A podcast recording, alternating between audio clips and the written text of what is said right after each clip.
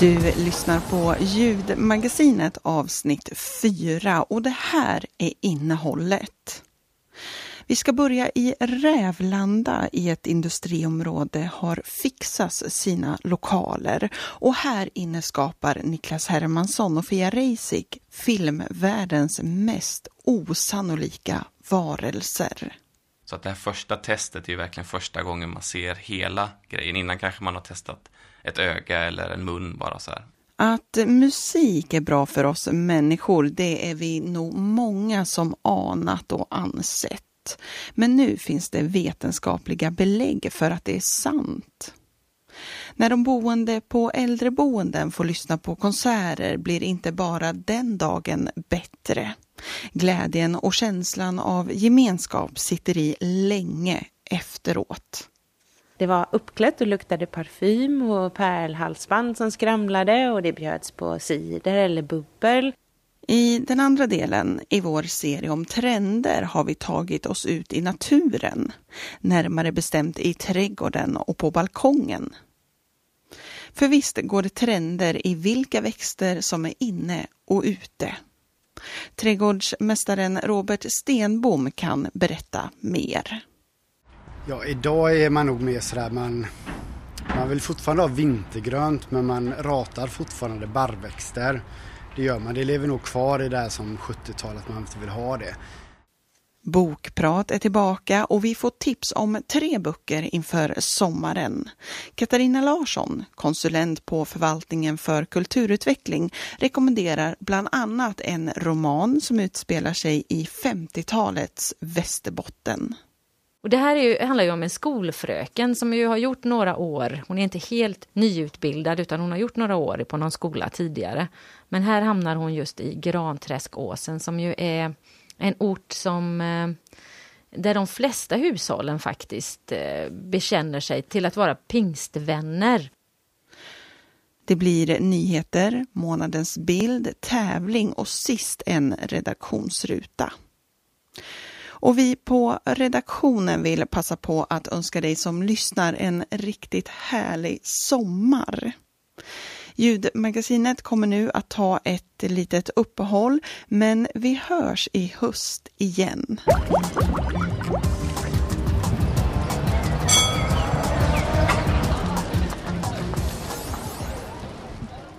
Vi ska börja i Rävlanda som ligger mellan Borås och Göteborg. Här i ett industriområde i en verkstad skapar Fia Reisik och Niklas Hermansson figurer, effekter och scenografi för film och tv. Och barnet som hänger där är från eh, Stockholm Requiem, någon Seymour serie eller film. Så det, och det är våran son som vi har gjutit av benen och händerna på. Så Fia skulpterat huvudet efter fotografien på skådespelaren. För den ser väldigt verklig ut. Ja, de skulle ju tappa den, så den är ju, den är ju ledad så att den är gjord i silikon. Jag vågar knappt känna på den. så att den skulle liksom kännas tung och de skulle kunna tappa den, skulle kunna ligga där. Mm. Eh, och det var också för vi skulle egentligen bara gjort en, en enklare docka först. Eh, men då visade det sig att de skulle spela in i november, tror jag det var, utomhus. Och hon skulle vara naken, den här lilla tjejen. Jag är inne i Fixas lokaler som ligger i ett industriområde i Rävlanda. Här skapar Niklas Hermansson och Fia Reisik djur och figurer, specialrekvisita, effekter och scenografi för film och tv. Fia skulpterar och Niklas har riktat in sig på de mekaniska delarna som gör att karaktärerna kommer till liv.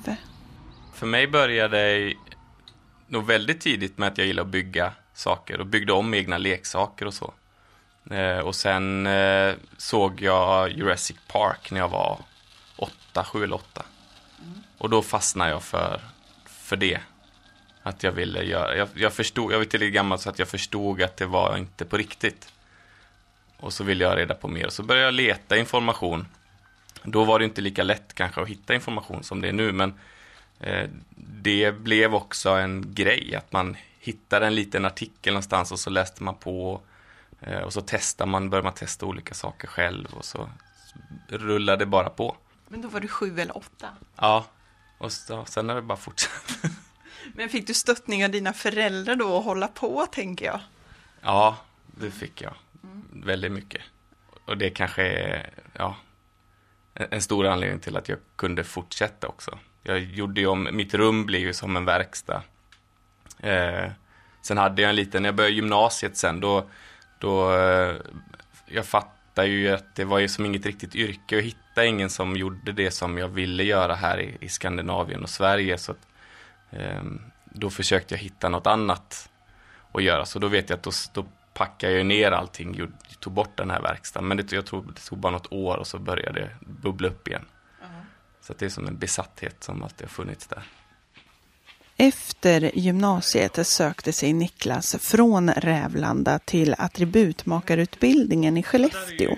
Och det var där som han träffade Fia. 2006 startade de Fixas tillsammans. Och efter några år i Stockholm bestämde de sig för att lämna huvudstaden och ta med verksamheten till Rävlanda. Och det är ganska många som, som, som jämför det vi gör med något konstnärligt, vilket många gånger ganska fel. Alltså det är, det är mer ett hantverk. Det är oftast rent tekniskt att vi bara bygger saker. Och också tittar och vi, vi snor ju väldigt mycket sätt att göra saker på från andra industrier. Eh, så vi använder så dental, tekniker från dental eh, tekniker och bilindustrin hämtar vi grejer ifrån och, och industriell design, möbeltillverkning. Så vi hämtar ju väldigt mycket från olika eh, hantverk. Vi vill ju att det ska se så ut som i verkligheten som möjligt. Så det är ju väldigt lite konstnärlig frihet vi har, utan vi får ju snarare bli väldigt tekniska och kolla på hur det ser ut i verkligheten, hur det funkar i verkligheten och sådär. Och det, det är det jag tycker är också väldigt kul och utmanande. Att vi ska försöka få det att se så verkligt ut som möjligt och eh, lura folk. Men, men jag kan också tycka att de bästa effekterna är ju de man inte ser. Eh, också. Men sen sådana där grejer, vi har gjort flera sådana grejer som man kan tycka att det kanske är lättare att använda något riktigt. Men då kan det vara så bra mycket dyrare. Eller att det är någonting som en skådespelare ska bära runt på och använda hela tiden. Så att det, är, eh, det blir liksom tungt och påfrestande till slut. Eh, så av den anledningen väljer man att, att göra något på låtsas. Men sen att de ska användas och slåss med också. Ja, vi, gjort, vi gör ju väldigt mycket stunt, stuntrekvisita. Så att vi gör ju spadar och batonger och hammare och stenar och allt möjligt som är mjuka. Så att man faktiskt kan, ja de är mjuka och sen väger de inte så mycket. Så att du kan ju faktiskt slåss och kasta dem på varandra. Ehm, Så det är ju också en anledning. Det är flera rum här inne.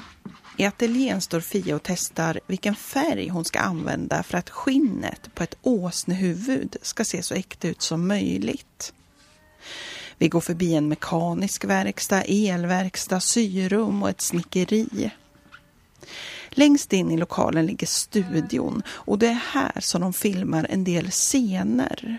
Men det används också som förråd eftersom det är bra temperatur och det finns inga fönster där ljuset kan förstöra materialet. När jag tittar in i förrådet så känner jag igen en hel del saker som de skapat. Ett eh, talande zebrahuvud som har varit med i en reklamfilm. Det hänger ett ben från en robot som är med i SVTs barnprogram Labyrint. Och så Snögubben från Panik i tomteverkstan. Julkalendern som sändes på tv förra året. Jag gillar ju, vi kallar det för Frankenstein-syndromet. Och det är när vi, när man har byggt mekaniken, man har gjort alla de här formarna och man har ett skinn och man testar det för första gången.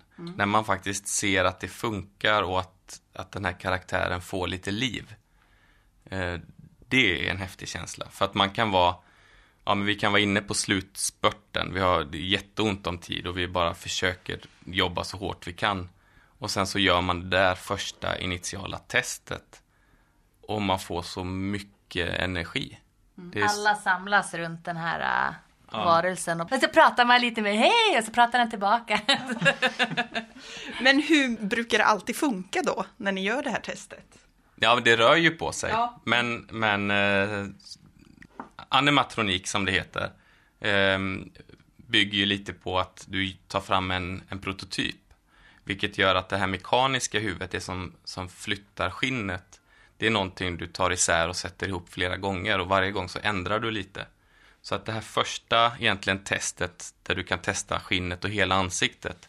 Efter det så kanske du monterar isär och sätter ihop den ytterligare tre till fem gånger innan den är färdig. Så att det gör man egentligen för att se vad problem eller problematiken med skinnet ligger någonstans. Mm. Så att det här första testet är verkligen första gången man ser hela grejen. Innan kanske man har testat ett öga eller en mun bara så här. Mm. Eh, så det är lite magiskt det där ögonblicket. Men hur känns det då, då när alla samlas och ni ser det här?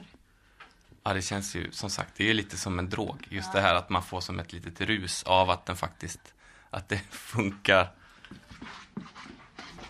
Jag ska kolla på så här, så man ser vad som är. Det är så här vi eh, oftast jobbar, att vi, vi har en skulptur som vi gör formar på. Och då skapar vi ett mjukt skinn och mm. sen inne i det skinnet, man ser in här, så har vi våran kärna, som är den här glasfiberstommen.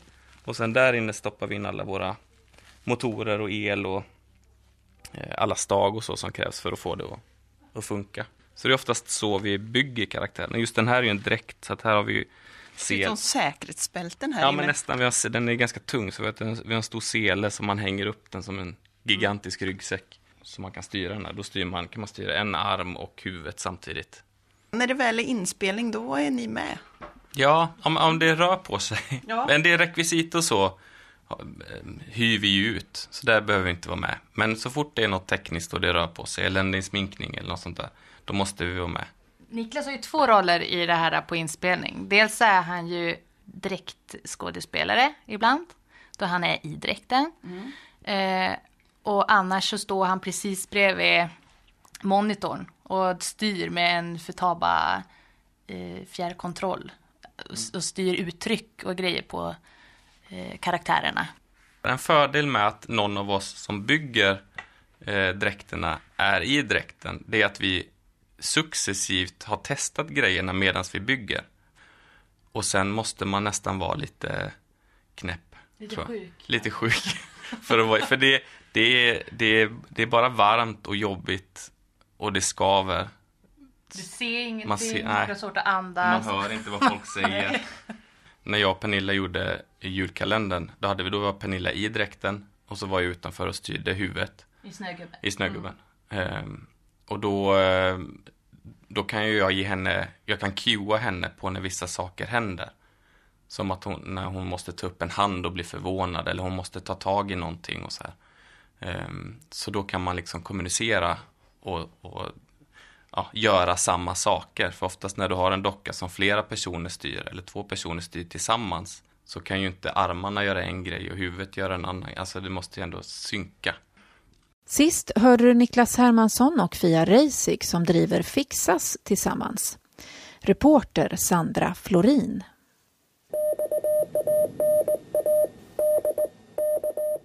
På ett gärde utanför Broddetorp utanför Falköping växer nu ett konstverk fram. Lite mer för varje dag. Det är metallkonstnären Gert van der Vossen som vill synliggöra de som avlider i pandemin och som gör en blomma av järn för varje offer som dör i Sverige.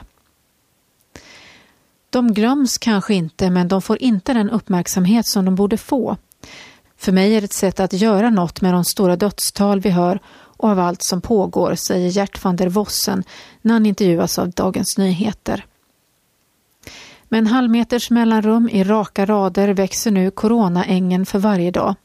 Du kan själv besöka det här levande konstverket och du hittar en vägbeskrivning på konstnärens hemsida www.denflygandegnistan.se.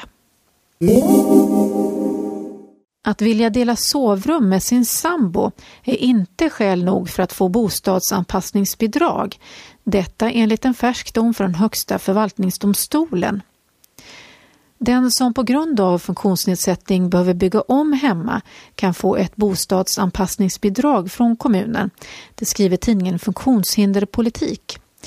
Men när en funktionsnedsatt kvinna i Uppsala ville dela sovrum med sambon på övervåningen sa kommunen nej till att installera den trapphiss som kvinnan ville ha. Kommunen avslog begäran med motivet att alla nödvändiga bostadsfunktioner finns på entréplanet. Kvinnan överklagar beslutet men efter många turer så har nu Högsta förvaltningsdomstolen kommit fram till att den går på kommunens linje. Högsta förvaltningsdomstolen pekar bland annat på att det inte finns någon generell rätt att få bostadsanpassningsbidrag för att kunna använda hela sin bostad. Enligt domstolen har kvinnan tillgång till alla nödvändiga bostadsfunktioner på undervåningen och hon har heller inte något behov av tillsyn som kräver att hon delar rum med sambon. Därmed har hon inte heller rätt till bostadsanpassningsbidrag för att installera en trapphiss, det konstaterar domstolen. Många kulturupplevelser är inställda nu under den kommande sommaren men den årliga skulpturutställningen i Pilarne på Körn är öppen som vanligt.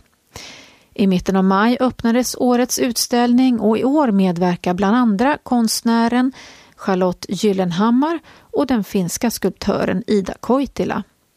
Ytterligare åtta konstnärer visar skulpturer i stort format i Pilarne i sommar. Och för den som inte har besökt Pilane så kan vi berätta att utställning den tar plats i ett åtta hektar stort kulturlandskap där du promenerar mellan verken. När det gäller tillgängligheten så finns det inga regelrätta vägar i ordningställda. Man vandrar på stigar i fårhagar och över ängar och berg.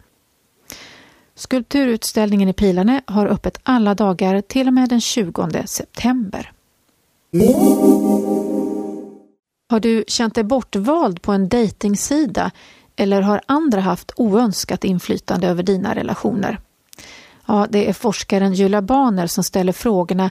I ett nytt forskningsprojekt ska hon undersöka sexualiteten ur ett tillgänglighetsperspektiv.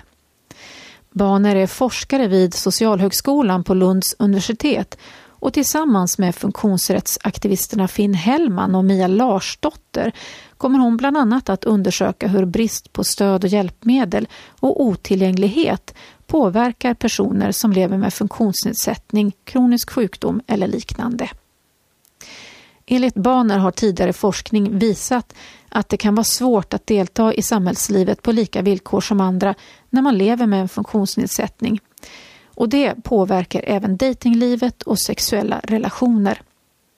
Syftet med forskningsprojektet det är att undersöka hur man kan utveckla metoder och material för myndigheter för att i förlängningen kunna tillgodose rätten till sexuell hälsa och delaktighet för alla.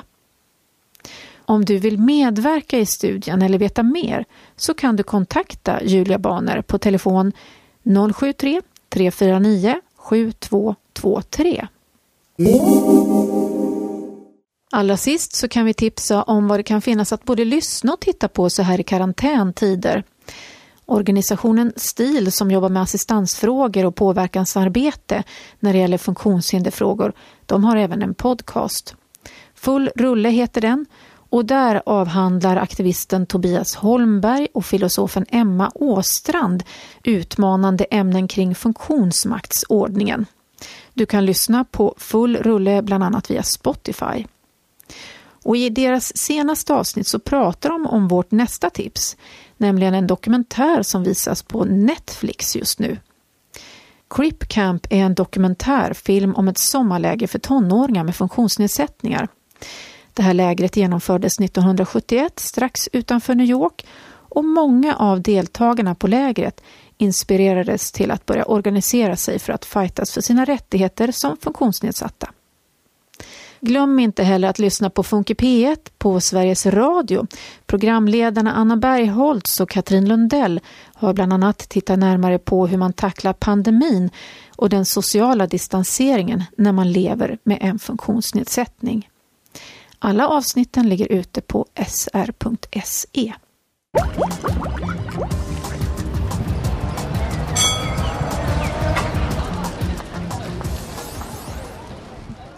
Många har nog anat att musik är bra för oss människor. Men nu finns det forskning som visar hur och varför det är så. Och forskarna har också sett att musiken inte bara ger glädje när den pågår. Effekterna sitter också i ganska länge.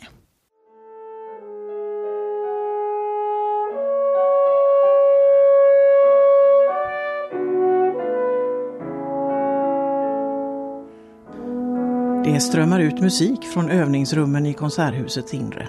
För trots att nästan inga konserter ges under coronaepidemin så fortsätter musikerna att träna och att spela in musik på sin digitala gratistjänst som heter GSO Play. Under hösten 2019, då coronan ännu inte satte stopp för så mycket, så deltog symfonikerna tillsammans med Skånebaserade Musik i Syd i ett forskningsprojekt som Betania-stiftelsen initierade. De anlitade forskare från Göteborgs universitet som arbetade fram en metod för att mäta om och hur kultur spelar roll för vård och omsorgstagare. De skapade helt enkelt tillfällen för vårdtagare att få lyssna till konserter. Och när musikerna åkte ut på äldreboenden för att ge konserterna så följde forskarna med. De intervjuade boende, deras anhöriga och personalen om hur de upplevt det hela. I Skåne var det ett par folkmusiker som berättade om en speciell spelman och spelade hans musik. Och i Västra Götaland så var det alltså symfonikerna som anlitades. Eva Esvik är affärsutvecklare hos Göteborgssymfonikerna och hon var med när musikerna besökte äldreboenden i Västra Götaland. Vi hade med oss en kvartett, fyra stråkmusiker. Men sen hade vi också eh, någonting som man kan kalla det Music minus one eller en väldigt lyxig form av karaoke. Det vill säga inom ramen för det här projektet så hade vi satt orkestern på scen och spelat in tre stycken stycken men vi hade tagit bort solisten. Så under den här turnén så hade vi vår harpist eh, med oss, Liv Darén, som spelade till orkestern inspelad på skärm bakom. Så vi bjöd dels på livemusik och sen bjöd vi på det här mötet där kultur eh, möter innovation kan vi säga. Eh, när vi kom ut så var det en festlig känsla, en känsla av högtidlighet. Det här är ju ett event som riktar sig mot de boende, de anhöriga till de boende och de som jobbar. Och i och med att vi hade förberett ganska mycket för det här besöket så blev det en happening. Så de eh, anhöriga var med. Det var uppklätt och luktade parfym och pärlhalsband som skramlade och det bjöds på cider eller bubbel. Vissa hade till och med en liten pralin. Och det var verkligen en högtidlig känsla av att det var en, en konsert och en riktig konsert. Och forskningsrapporten som nu är eh, framtagen, de resultat vi har fått ta del av visar att det här ger en långsiktig effekt. Det är härligt för stunden naturligtvis att ha ett event att se fram emot och göra någonting kring. Men känslan av upplevelsen av att sitta tillsammans och lyssna på musiken, den sitter i i flera veckor efteråt. Helle Wik är en av de professorer från Göteborg som ledde forskningsprojektet. Och hon berättar per telefon att konserterna verkligen spelade stor roll för de boende. Att uppleva musik tillsammans med andra gav en känsla av gemenskap och därmed minskade känslan av ensamhet, säger hon. Musiken väckte också minnen hos de boende. De närstående som var med fick plötsligt höra helt nya historier. Hellevik berättar till exempel om en äldre kvinna som förtjust berättade hur hon i sin ungdom smitit hemifrån och hoppat över gärdsgårdar för att kunna ta sig till den förbjudna dansbanan. Och under berättelsen stod hennes häpne son bredvid och lyssnade. Det var första gången han hört den historien. Personalen berättade också för forskarna hur musiken dykt upp som samtalsämne många dagar efteråt. Något som annars är ovanligt i grupper där många har problem med minnet. Och inte minst blev det påtagligt hur ett lugn la sig bland de äldre. Både i samband med själva konserten men också nattetid. De flesta sov bättre under en tid efter konserten. Världshälsoorganisationen, WHO, laborerar med ett begrepp som heter existentiell hälsa. Det är ett begrepp som man kan säga handlar om vår förmåga att tro på och ta vara på livet. En av de ingredienser som finns med för att vi människor ska kunna uppleva existentiell hälsa är förundran. Och det är där symfonikerna kommer in, menar Eva Esvik. Och det är det som vi upplever att vi bidrar med med vår musik, det vackra. Och det, den här känslan av stillhet och lugn. Det bekräftade personalen att det brukar vara ganska stojigt och, och man kanske vill gå därifrån eller så när det är uppträdanden. Men här var verkligen en helt intensiv känsla av närvaro och väldigt njutningsfullt. Så det var varmt och, och, och högtidligt och uppskattat. Men du, slutsatsen borde ju vara, för det här gjorde ni ju bara för eh, det här projektets skull, för den här undersökningens skull. Men slutsatsen borde ju vara att det här skulle ni göra jämt. Visst hade det varit helt underbart. Och det är ju den här tekniken som vi har, Music minus one, när vi har orkestern inspelad. Det bidrar ju till att vi skulle kunna göra sådana här saker mer.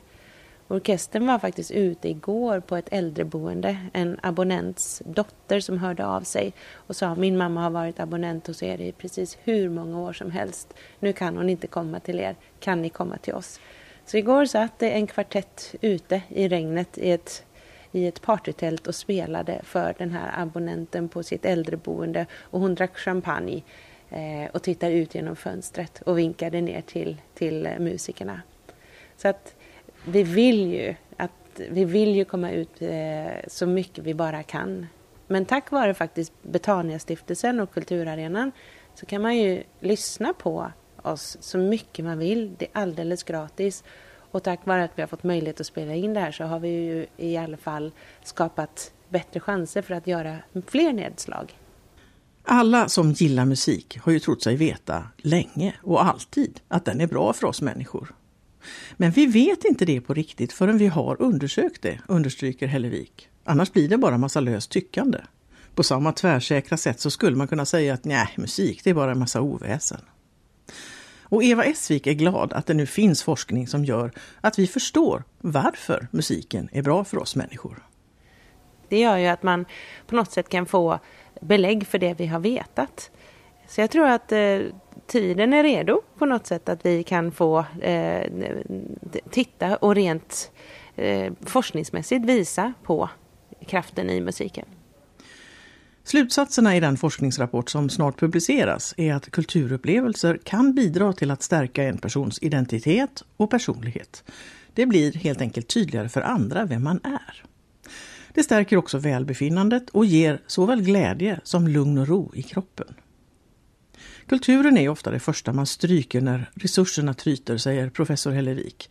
Hon menar att eftersom vi aldrig har utvärderat kulturen inom vården så vet vi inte heller vilket värde den har. Och därför är det enkelt att ta bort den utan att någon får synbart illa. Det är den viktigaste slutsatsen av det här forskningsprojektet, säger hon. Den att kulturen måste få ta plats inom vården. Och hon menar att kulturen också ger vården möjlighet att faktiskt uppnå det som kallas för ett personcentrerat förhållningssätt. Och hon tar kvinnan som dansade i hemlighet i sin ungdom som exempel. Plötsligt blev hon inte bara Elsa på rum 4, utan Elsa som trotsade alla förbud för att få dansa som ung.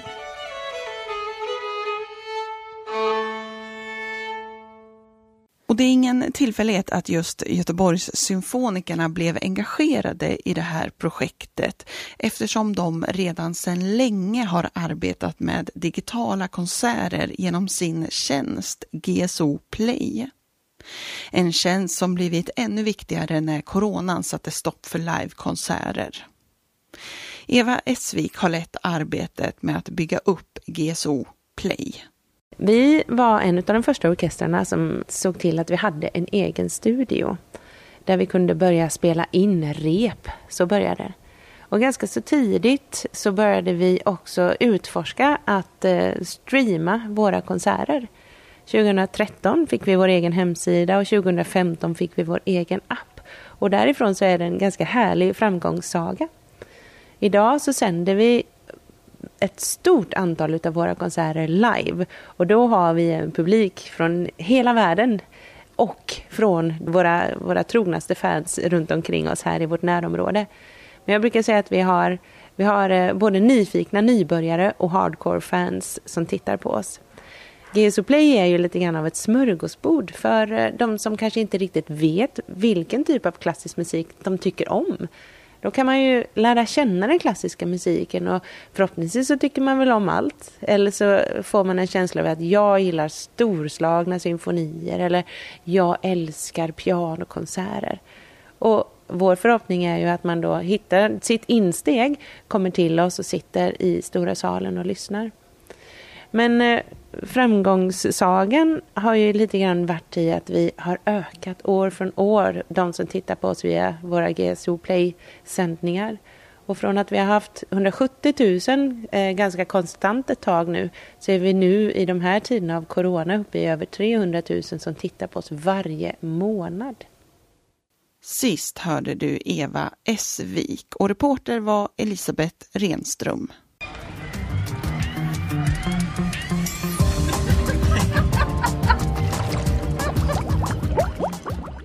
Trender går att finna överallt, inte minst i din trädgård, på din balkong eller på din fönsterbräda.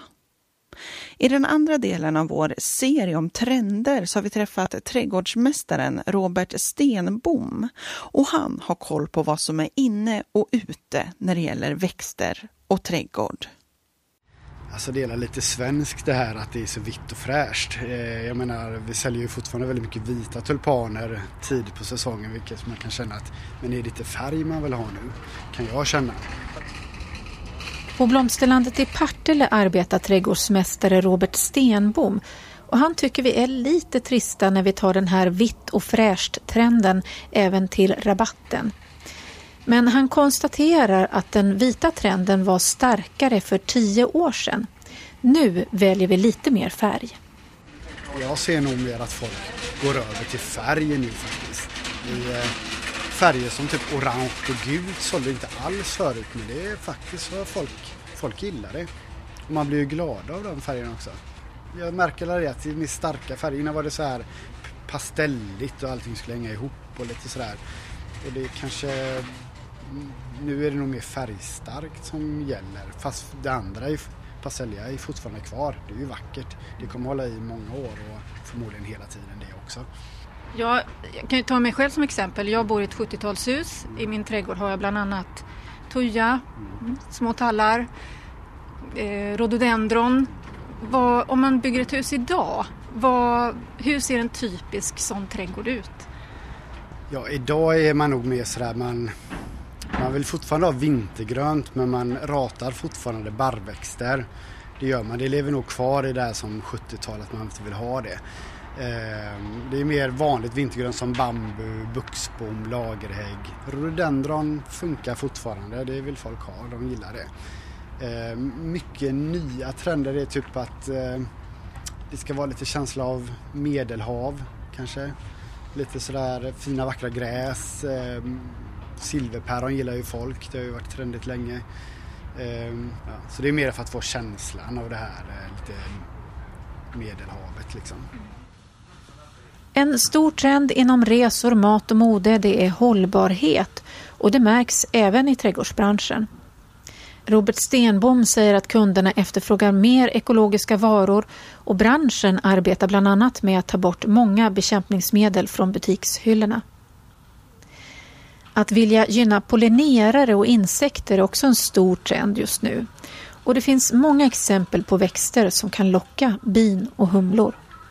Ja, alltså i växtväg, eh, perennaväg så jag kan säga typ nipeta är ju väldigt bra. Mycket, många kryddväxter är väldigt bra som oregano och citronmeliss. Eh, sådana enkla grejer som typ röda vinbär är en jättebra pollinerare. Det tänker man inte på men när den blommar så drar den till sig jättemycket bin och sånt och innehåller väldigt mycket pollen och sånt för, för just bina. Körsbär, alla fruktträd, rosor, dock enkelblommande. Dubbla blommor kan ju vara lite svårt för dem att hitta. Mm. Om man inte har en eh, trädgård, vad kan man göra åt sin balkong? Om man har en balkong, hur kan man få in trädgården i sin lägenhet? Ja men det finns ju massor att göra. Det är ju bara mån om plats. Det är ju lite trångt där men man kan ju liksom, vill man ha en liten, liten mathörna eller liksom till odla grönsaker och sånt så kan man ju alltid köpa någon större kruka, kanske sätta en ett vinbär eller, eller krusbär på stam där i och så kan man ju odla kanske lite örter eller grönsaker under där. Så det går ju liksom. Eller man kan ju kanske skapa en balkong med lite medelhavskänsla genom att köpa någon palm och ett citrusträd och kanske fylla en balkonglåda med lavendel eller så det finns ju mycket man kan skapa där. Kan man sitta där med sin paraplydrink där nu i sommar istället liksom. Om man inte kan resa utomlands. Jag skulle just fråga det. Mm. Hur, hur märker ni av Eh, coronaviruset? Liksom, är det, ägnar folk mer tid åt sin trädgård? Kan ni märka av det? Eh, jag tycker väl att eh, Sen om man tänker sig finanskrisen som var för några år sedan. Då ökade vi ju jättemycket. Folk var ju väldigt måna om att ta hand om. Man reste inte bort, man stannade hemma. Man eh, fixade och donade hemma. Man skulle ändå vara hemma. Så då, man köpte och gjorde det fint. Eh, och jag tror att samma effekt kommer det bli i år.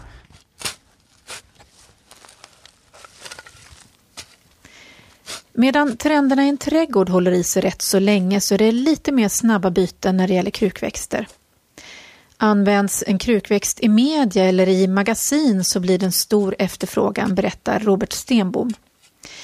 Länge har mormors gamla krukväxter varit poppis såsom elefantöra och palettblad och den trenden håller i sig. Robert tycker sig se att det är just vackra bladfärger som lockar. Och en bubblare bland krukväxter som kan bli trendig framöver, det är bladbegonian, tror han. Robert Stenbom har ett Instagramkonto där man kan se hur han själv har det i sin trädgård. Och i sommar ska han bland annat fixa i ordning en slänt med växter på temat pollinerare som alltså lockar till sig fjärilar och bin. Hans bästa tips när man ska fixa en rabatt det är att göra den stor och plantera många plantor av varje växt. Ja men det är det här med att man massplanterar. Ja, ja men det tycker jag absolut. Eh, gör du en rabatt, gör en större rabatt. Sätt mer av varje växt. Sätt inte en och en. Det, det är mitt tips. Ingen barjord. Barjord betyder ogräs. Ehm, sen kan jag tycka så här, ska du ta sommarblommor så test, våga testa lite nya saker. Ehm, vi har till exempel eh, Jätteverbenan har varit populär i ett par år. Den, det räcker ju att man sätter en sån planta i en stor kruka och så blir ju den, den blommar ju i stort sett hela sommaren, drar till sig en massa fjärilar och bin. Sen finns det en släkting till den som heter järnört som också fyller en hel kruka. Det finns det sommarljus är också en sån här växt som inte folk känner till som sommarblomma. Den blommar också hela sommaren som ser ut som små fjärilar i skyn och långa stänglar. En jättetrevlig växt. Och det kan man ha även på balkongen i en kruka då? Absolut. Mm. Fyller ut och det blir en jättetrevlig känsla när man sitter på en balkong med den. Blommar fram till frosten liksom på hösten då. Sen så måste man kanske inte lägga så mycket energi på just sin gräsmatta. Man kanske ska satsa mer på rabatterna. Så mindre gräsmatta och mer rabatt tycker jag det är ett tips. Det tyckte Robert Stenbom, trädgårdsmästare på Blomsterlandet i Partille. Om du vill se hur hans egen trädgård ser ut så ska du titta på hans Instagramkonto. Sök på hans namn så hittar du det. Reporter var Ann-Sofie Andersson.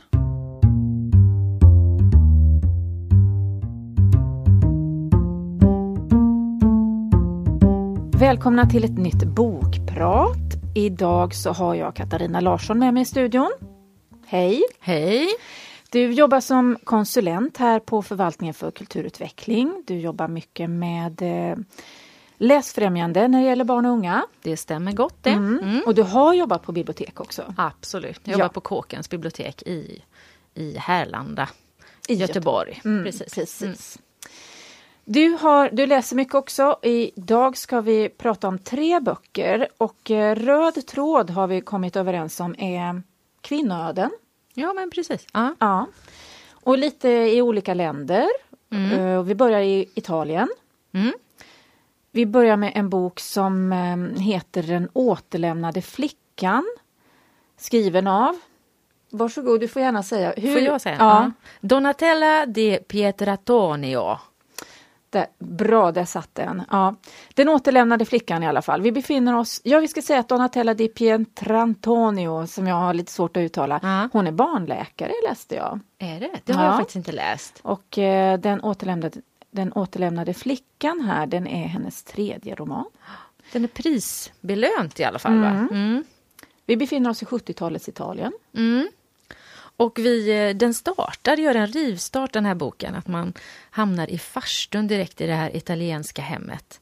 Det handlar ju om en 13-åring som jag faktiskt inte vet vad hon heter för den är skriven i jag-form. Mm. Så hela tiden är det jag och de refererar, det, refererar när man pratar om henne så är det hon hela tiden. Okay. Så jag vet faktiskt inte vad hon heter men det är ett, ett väldigt gripande öde. Det är en flicka som då står i farstun till att gå in i en ny fas i sitt liv, måste man säga. Hon lämnas tillbaka till sin biologiska familj. Hon har alltså levt ett liv i en familj som hon trodde var hennes riktiga, inom, nu gör jag sådana här små Mm. öron. Eh, och det var den tydligen inte, för nu lämnas hon tillbaka till den biologiska familjen. Och det är inte bara ett byte av miljö, utan hon går ifrån en socialt trygg och väldigt stabil och ska man säga, ja, välbärgad miljö till en tämligen fattig, utsatt tillvaro. Och mitt i detta står den här 13-åringen och förstår ingenting, för hon får ingen förklaring till varför hon en gång lämnades bort och varför hon nu lämnas tillbaka. Hur, hur tar hon det här? Hur blir hennes liv då? Ja, det blir ju helt förfärligt till att börja med. Bara det här att hon eh, inte får något eget utrymme. Hon delar säng med sin syster och, och rum med alla äldre bröder och så vidare. Och, och allt är lite smutsigt och hon får ta tag i saker som hon aldrig har gjort. Hon får till exempel den första lunchen de ska äta så får hon rensa kycklingen. Hon har liksom aldrig rört mat på det sättet. Eh, och eh, överhuvudtaget jargongen som är i hemmet. Och det här att hon förstår ju inte. Varför, varför är hon där? Varför, varför får hon lämna det här som har varit så bra och hamna i detta? Det, det är en ganska tunn bok, men den är väldigt innehållsrik, tycker jag. Den återlämnande flickan alltså, skriven av Donatella Di Pietrantonio. Vi går vidare med en eh, svensk bok skriven av Karin Alfredsson. Eh, den heter Violet och Rut, kom ut eh, 2019 och Alfredsson har jag läst mig till. Hon är eh, journalist i botten. Hon har skrivit många böcker, men framförallt om, framförallt om kvinnofrågor. Och Violet och Rut, då, då är det inte Italien längre utan det är Västerbotten på Mm. 50-talet. Precis, Ja. 49-50-tal. Ja. Eh, Det är ju också eh, en kvinna i fokus, eller, ja, måste man ju absolut säga. Det här handlar om Västerbottens inland, en ort som heter Granträskåsen. Och det var som du sa Ann-Sofie, i början av 50-talet. Och det här är ju, handlar ju om en skolfröken som ju har gjort några år, hon är inte helt ut, nyutbildad utan hon har gjort några år på någon skola tidigare. Men här hamnar hon just i Granträskåsen som ju är en ort som eh, där de flesta hushållen faktiskt eh, bekänner sig till, det, till, till att vara pingstvänner och tillhör den här Ebenezer-församlingen. Och där eh, har de ju en, en styrande och stark stämma i Adalbert Robertsson som ju är äldste broder i den här församlingen. Eh, och han är dessutom skolstyrelsens ordförande. Och det blir ju den, en av, eh, vad ska man säga, Violets antagonister måste man ju ändå lyfta honom som. Eh, hon är ju tvungen att förhålla sig till honom och till den här pingströrelsen som då är så stark i, eh, i, på orten.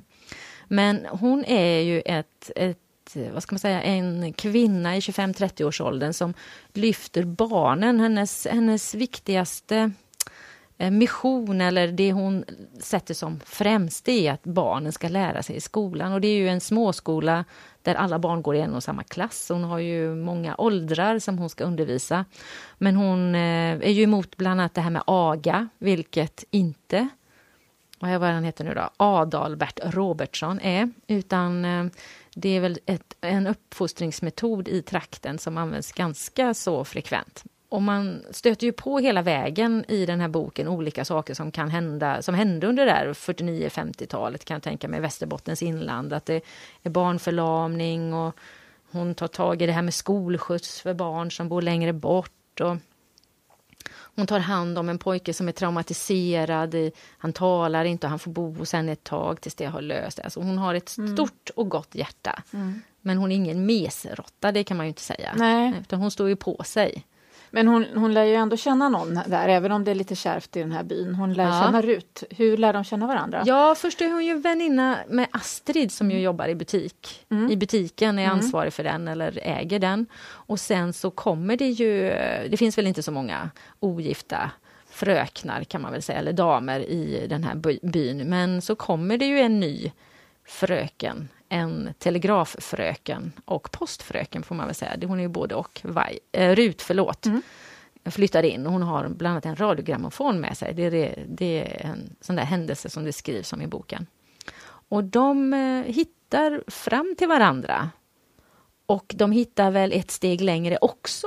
Att det blir ju kärlek mellan de här två. Mm. Och då ska man ju ha med sig att eh, kärlek mellan eh, samkönade eller två av samma kön på 50-talet, det var ju att betrakta som mental sjukdom.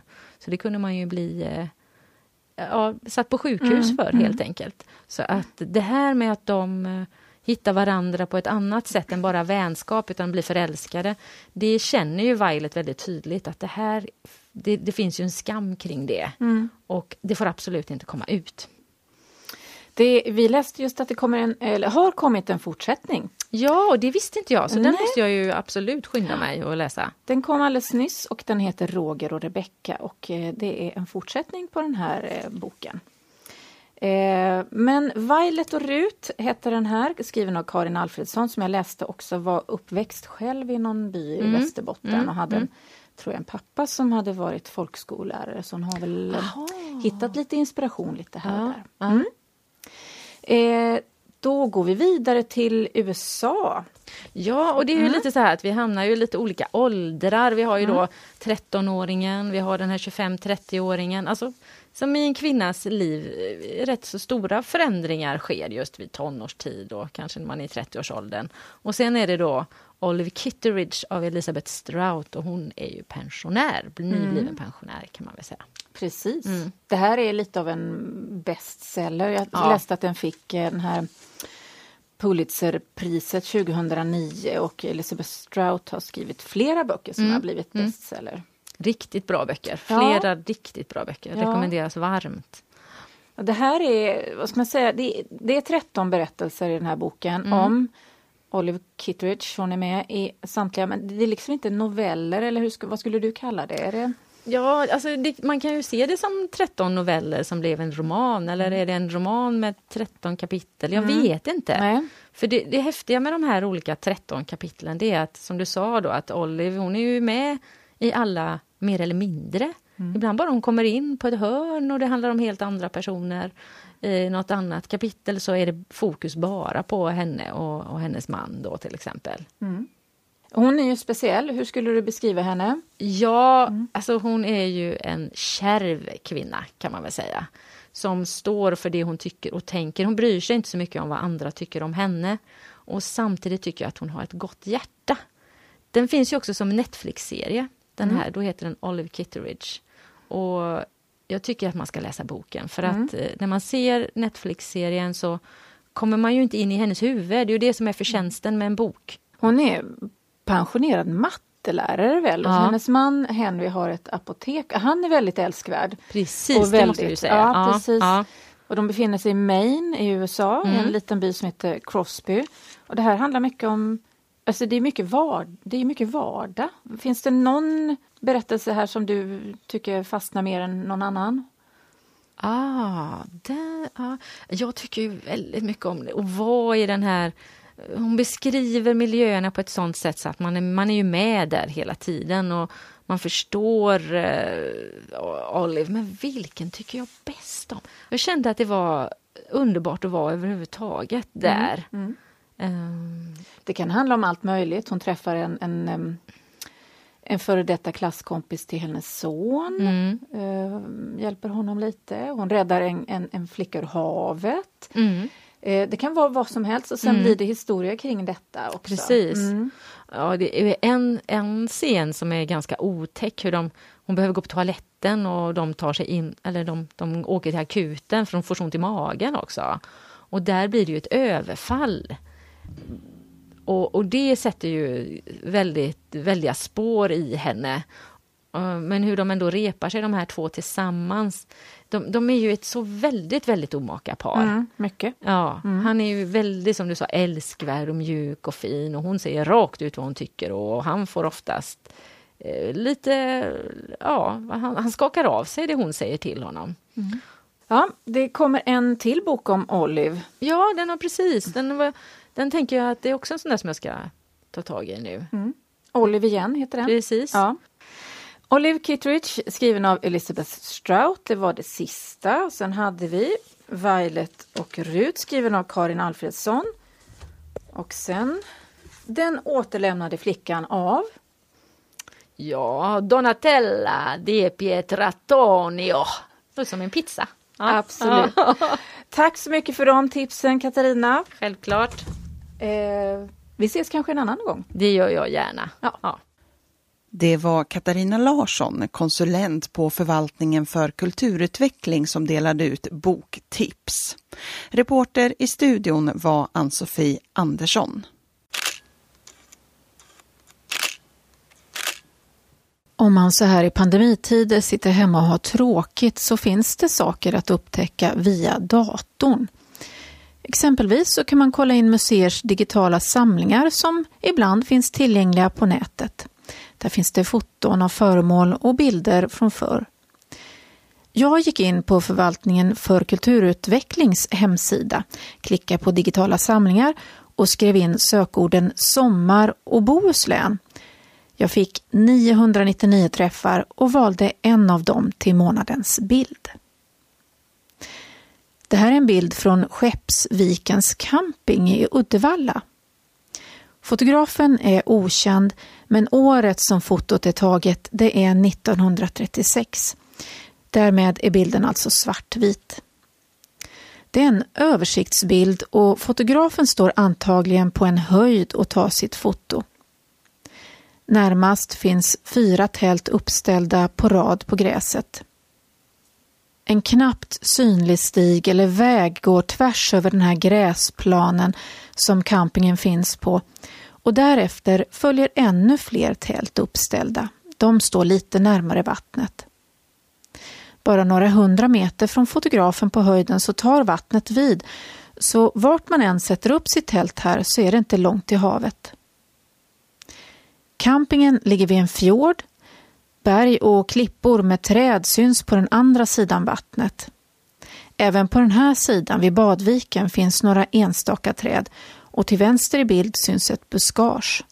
Bakom buskaget finns toppar av fler tält. Det är ingen trängsel. Jag kan räkna till 16 tält på bilden. Somliga tält är i mörka färger men de allra flesta är ljusa kulörer. Det här är små tält om man jämför med dagens varianter, men ett och annat i en liten större modell. Somliga är i en sån här tipi-modell eller i formen som en kåta, alltså runda tält med en topp i mitten på tälttaket. Närmast där fotografen står finns ett mörkt litet tält. Utanför det ligger två unga kvinnor och solar. De ligger bredvid varann på mage, iklädda mörka baddräkter som ser likadana ut. Baddräkterna har band på ryggen som bildar kors över deras ryggar. Bakom deras tält står en damcykel lutad mot ett buskage i skuggan. Granntältets tältöppning är på vid gavel och alldeles utanför öppningen står några föremål på marken. Det ena ser ut att vara en kaffekanna, det har ett handtag på sig. Utanför kvinnornas tält så går den här campingvägen i gräset och där cyklar en man eller en pojke förbi. Han är suddig, för cykeln är i rörelse och precis på väg ut ur bilden. Bredvid ett av tälten, de tälten som står närmare vattnet, står en bil. Det är en svart bil i tidsenlig 30-talsmodell. Tre glasfönster på var sida. Ett sån här litet trappsteg att sätta foten på när man ska sätta sig i den och så ett rejält reservdäck hängandes på dess baksida. Det är svårt att se, men märkligt nog ser det ut som man har hängt något över däcken på bilen.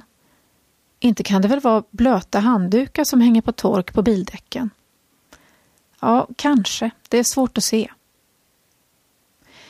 Själva badstranden ser man inte på fotot, men man kan ana den. En grupp med en kvinna i spetsen är på väg från stranden tillbaka till campingen. Hon ser ut att ha följe av tre lite mindre barn. Bakom bilen står en samling människor, kanske fem, sex stycken i olika åldrar. En av dem, en man, är klädd i badbyxor. De är också rätt så suddiga, men de ser alla ut att titta på något som händer vid vattnet.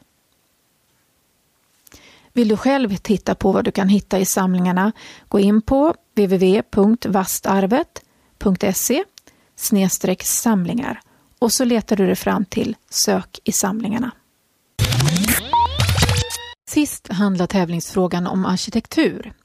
Vi frågar efter en känd byggnad i Göteborg som tillhör dess stadssilhuett sedan 1989.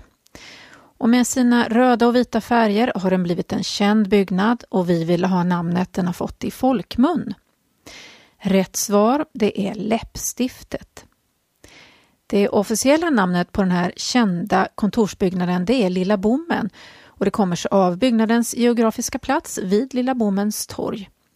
Läppstiftet eller Skanska skrapan har blivit de namn som de flesta använder. Enligt Wikipedia så föddes idén till huset 1983 då Göteborgs kommun ville skapa sysselsättning, stimulera utveckling och framtidstro i regionen. Och Skanska å sin sida de ville samtidigt stärka sin position som husbyggare och fastighetsägare. Den kända arkitekten Ralph Erskine ritade huset som kom att bli 22 våningar och 86 meter högt. Idag ägs byggnaden av Vasakronan. Och vi har dragit fyra vinnare som får varsin CD-bok på posten. Det är Lena Molander i Lerum, Per Håkan Andersson i Borås, Mortesa Godsi i Göteborg och Gunnel Jansson i Vara. Stort grattis till er allihop. Ni får en bok på posten lagom till sommaren. Vi ska ha en fråga att fundera på över sommaren också. En som spenderade många somrar i Bohuslän, det var filmstjärnan Ingrid Bergman. Hennes man Lars Schmidt hade ett hus på Dannholmen och här fann Bergman ett paradis. Men frågan är utanför vilken bohuslänsk tätort ligger ön Dannholmen? Vet du vilken ort vi frågar efter? Tveka inte att skicka in ditt svar till oss. Du kan både mejla och ringa. Numret till vår telefonsvarare det är 010 44 144 010 44 10044. Och vill du mejla in ditt svar så gör du det till en rätt så ny mejladress. Adressen är redaktionen ljudmagasinet.net. Kom ihåg att tala om vad du heter och var du bor så vi vet vart vinsten ska skickas. Och vi fortsätter att rensa ur vårt CD-boksförråd. Så den här gången är det CD-böcker som vi tävlar om. Och är du sugen på att vinna en ljudbok på CD så skicka in ditt svar. Vi drar nämligen fyra vinnare den här gången också. Titlarna som ligger i potten det är Det som inte dödar oss av David Lagerkrans, Brinnande livet av Alice Munro, Korparna av Thomas Bannerhed och Isbränna av Aino Trosell. Är du sugen på att vinna någon av de här titlarna så skicka in ditt svar till oss senast den 14 augusti. Stort lycka till!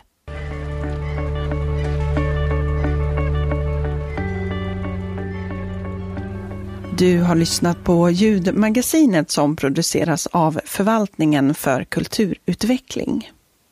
Ansvarig utgivare är Jenny Berner och henne når du på telefonnummer 076 836 04 77. Vill du komma i kontakt med oss på redaktionen så kan du mejla till info ljudmagasinet.net eller ring 0761 33 13 61. Har du frågor som gäller din prenumeration kan du vända dig till Yvonne Jagersjö på telefonnummer 0700 82 25 63.